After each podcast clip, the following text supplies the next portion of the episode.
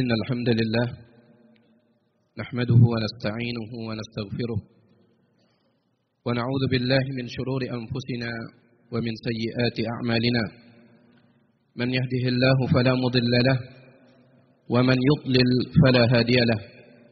وأشهد أن لا إله إلا الله وحده لا شريك له وأشهد أن محمدا عبده ورسوله صلى الله عليه وعلى آله وأصحابه وسلم تسليما كثيرا.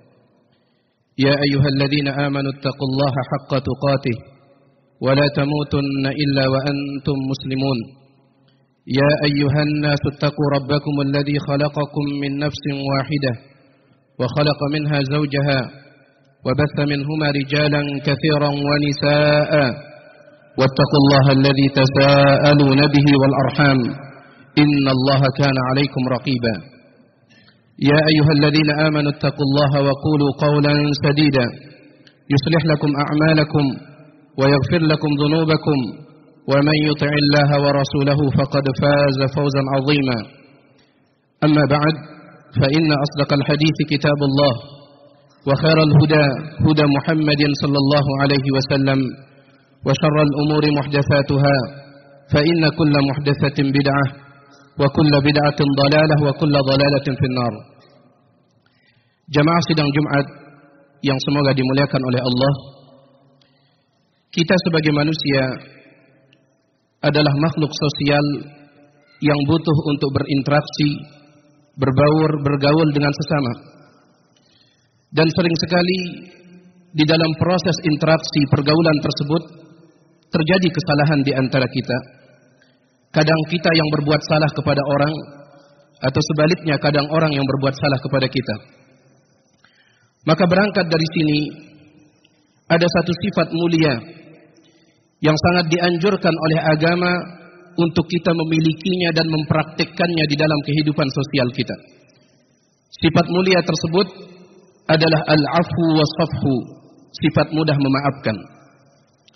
Sifat mudah memaafkan sekali lagi sangat dianjurkan oleh agama. Karena ia merupakan pintu besar dari pintu-pintu kebaikan. Allah Subhanahu wa taala berfirman, "Fa'fu anhum wasfah, innallaha yuhibbul muhsinin." Maafkanlah mereka dan berlapang dadalah atas kesalahan mereka. Sesungguhnya Allah Subhanahu wa taala mencintai orang-orang yang berbuat baik. Lihatlah dalam ayat ini Allah Subhanahu wa taala mengayatkan sifat memberikan maaf dengan kebaikan. Di antara bentuk kebaikan yang terkandung di dalam sifat mudah memaafkan bahwasanya sifat mudah memaafkan merupakan sarana yang besar untuk mendapatkan ganjaran yang pahala yang besar di sisi Allah Subhanahu wa taala. Allah Subhanahu wa taala berfirman, "Faman 'afa wa aslaha fa ajruhu 'ala Allah." Maka barang siapa yang memaafkan dan dia juga berbuat baik kepada orang yang berbuat salah kepadanya, maka balasan pahalanya sudah ditanggung oleh Allah Subhanahu wa taala. Begitu pula di antara bentuk kebaikan sifat sifat mudah memaafkan bahwasanya orang yang mudah memaafkan maka dia akan mendapatkan ampunan Allah Subhanahu wa taala. Sifat mudah memaafkan ibarat umpan untuk memancing datangnya ampunan Allah Subhanahu wa taala. Allah Subhanahu wa taala berfirman, "Wal ya'fu wal yasfahu." Maka hendaklah mereka memaafkan, hendaklah mereka berlapang dada. Ala tuhibbuna an yaghfirallahu lakum? Tidakkah kalian ingin dosa kalian diampuni oleh Allah? Wallahu ghafurur rahim dan Allah Maha Pengampun lagi Maha Penyayang. Al jaza min jinsil amal. Kemudian juga di antara kebaikan yang terkandung di dalam sifat mudah memaafkan bahwasanya sifat tersebut akan menghantarkan seseorang kepada derajat ketakwaan karena memang ia merupakan sifat orang yang bertakwa. Allah Subhanahu wa taala berfirman, "Wa an ta'fu aqrabu taqwa." Dan kalian memaafkan itu lebih dekat kepada ketakwaan. Karena sekali lagi mudah memaafkan merupakan sifatnya orang yang bertakwa. Allah Subhanahu wa taala berfirman, "Wasari'u ila maghfiratin min rabbikum wa jannatin arduha as-samawati wal ard uiddat lil muttaqin." Bersegeralah kalian kepada ampunan Rabb kalian dan juga kepada surga yang luasnya seluas langit dan bumi yang telah Allah persiapkan bagi orang-orang yang bertakwa. Bagaimana sifat orang yang bertakwa? Alladzina yunfiquna fis sarra'i wad dharra, yaitu orang yang senantiasa berinfak dalam kondisi ekonomi mereka lapang ataupun sempit wal kadhiminal dan mereka suka atau mampu menahan amarah mereka wal afina 'anil nas dan mereka suka memaafkan kesalahan orang. Wallahu yuhibbul muhsinin dan Allah mencintai orang-orang yang berbuat baik. Sidang Jumat yang semoga dimuliakan oleh Allah. Sebagian orang terkadang merasa berat untuk memaafkan karena mereka menganggap memaafkan adalah bentuk kelemahan dan juga bentuk kehinaan.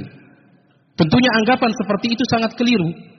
Memaafkan bukanlah bentuk kelemahan, bukan. Justru menunjukkan betapa kuatnya dan besarnya keimanan dan ketakwaan seseorang. Oleh karena itu lihatlah Rasulullah sallallahu alaihi wasallam dalam riwayat Imam Tirmidzi, ibunda kita Aisyah radhiyallahu taala anha menceritakan Lam yakun Rasulullah sallallahu alaihi wasallam fahishan wala mutafahishan. Nabi alaihi salatu wasallam bukanlah orang yang suka berkata kosor, berkata jorok, berkata kasar, bukan. Wala sahaban fil aswaq dan beliau juga tidak suka teriak-teriak di pasar.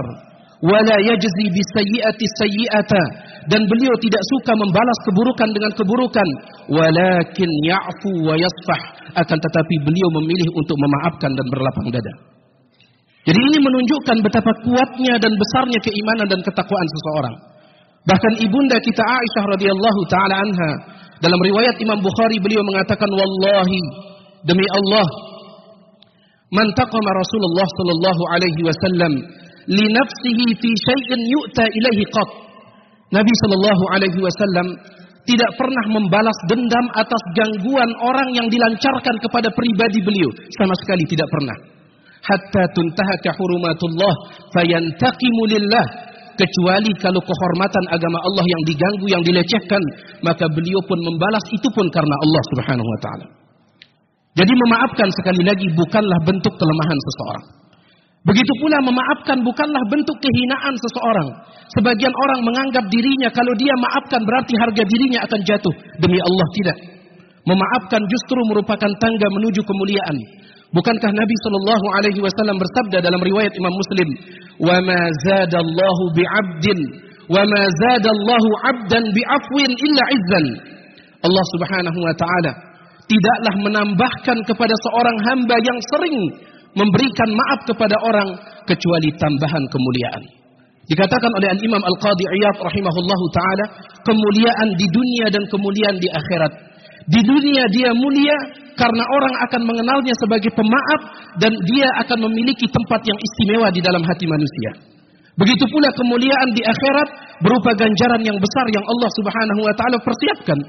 Di dalam hadis yang diriwayatkan oleh Abu Daud dan yang lainnya, Nabi alaihi salatu wasallam bersabda, "Man kadhama ghaidhan wa huwa qadirun ala an yunfidhahu Allah azza wa jalla ala ru'usil khalaiqi yaumal qiyamah hatta yukhayyirahu minal huril 'ain ma yasha'." Barang siapa yang dia mampu menahan marahnya padahal mampu dia lampiaskan. Mampu untuk dia lampiaskan tetapi dia memilih untuk menahan amarahnya apalagi memaafkan. Maka pada hari kiamat Allah akan memanggilnya di hadapan seluruh makhluk. Kemudian Allah menyuruh dia untuk memilih bidadari mana pun yang dia suka. Jadi memaafkan adalah kemuliaan bukan kehinaan. Astaghfirullah li wa lakum wa li jami'il muslimin wal muslimat fastaghfiru innahu huwal ghafurur rahim.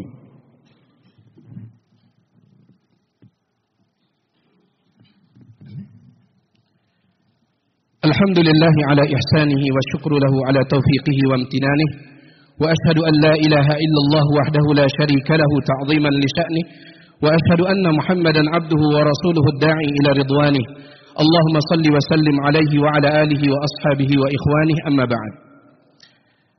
Di dalam kitabnya Al-Bidayah wa Nihayah, Al-Imam Ibnu Katsir rahimahullahu taala setelah menyebutkan tentang mihnah ujian besar yang didapatkan oleh Imam Ahmad rahimahullah gara-gara mempertahankan akidah Ahlus Sunnah wal jamaah khususnya yang berkaitan dengan Al-Quran. Beliau dipenjara disiksa, dianiaya, dizalimi dan seterusnya. Hingga akhirnya Allah subhanahu wa ta'ala mengangkat ujian tersebut. Allah bebaskan Imam Ahmad dari ujian, dari siksaan tersebut.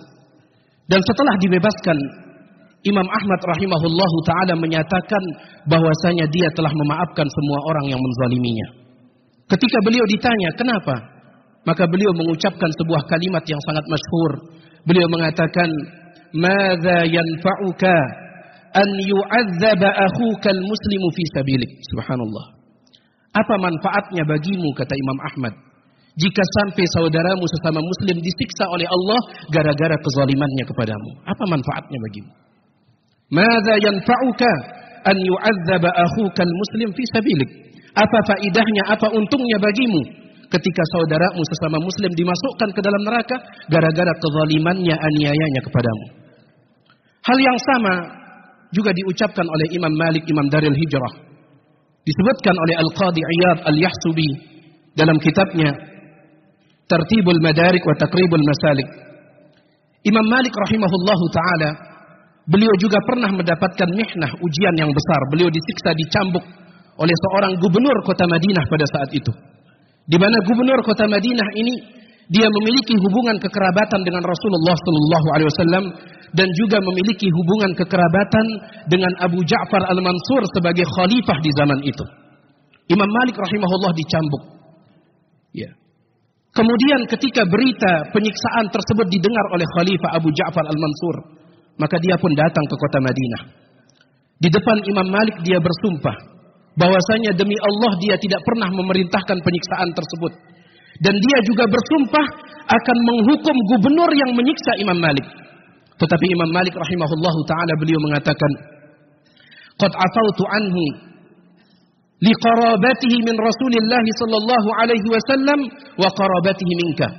Sesungguhnya aku telah memaafkan dia karena hubungan kekerabatannya dengan Rasul alaihi salatu wasallam dan hubungan kekerabatannya dengan Anda.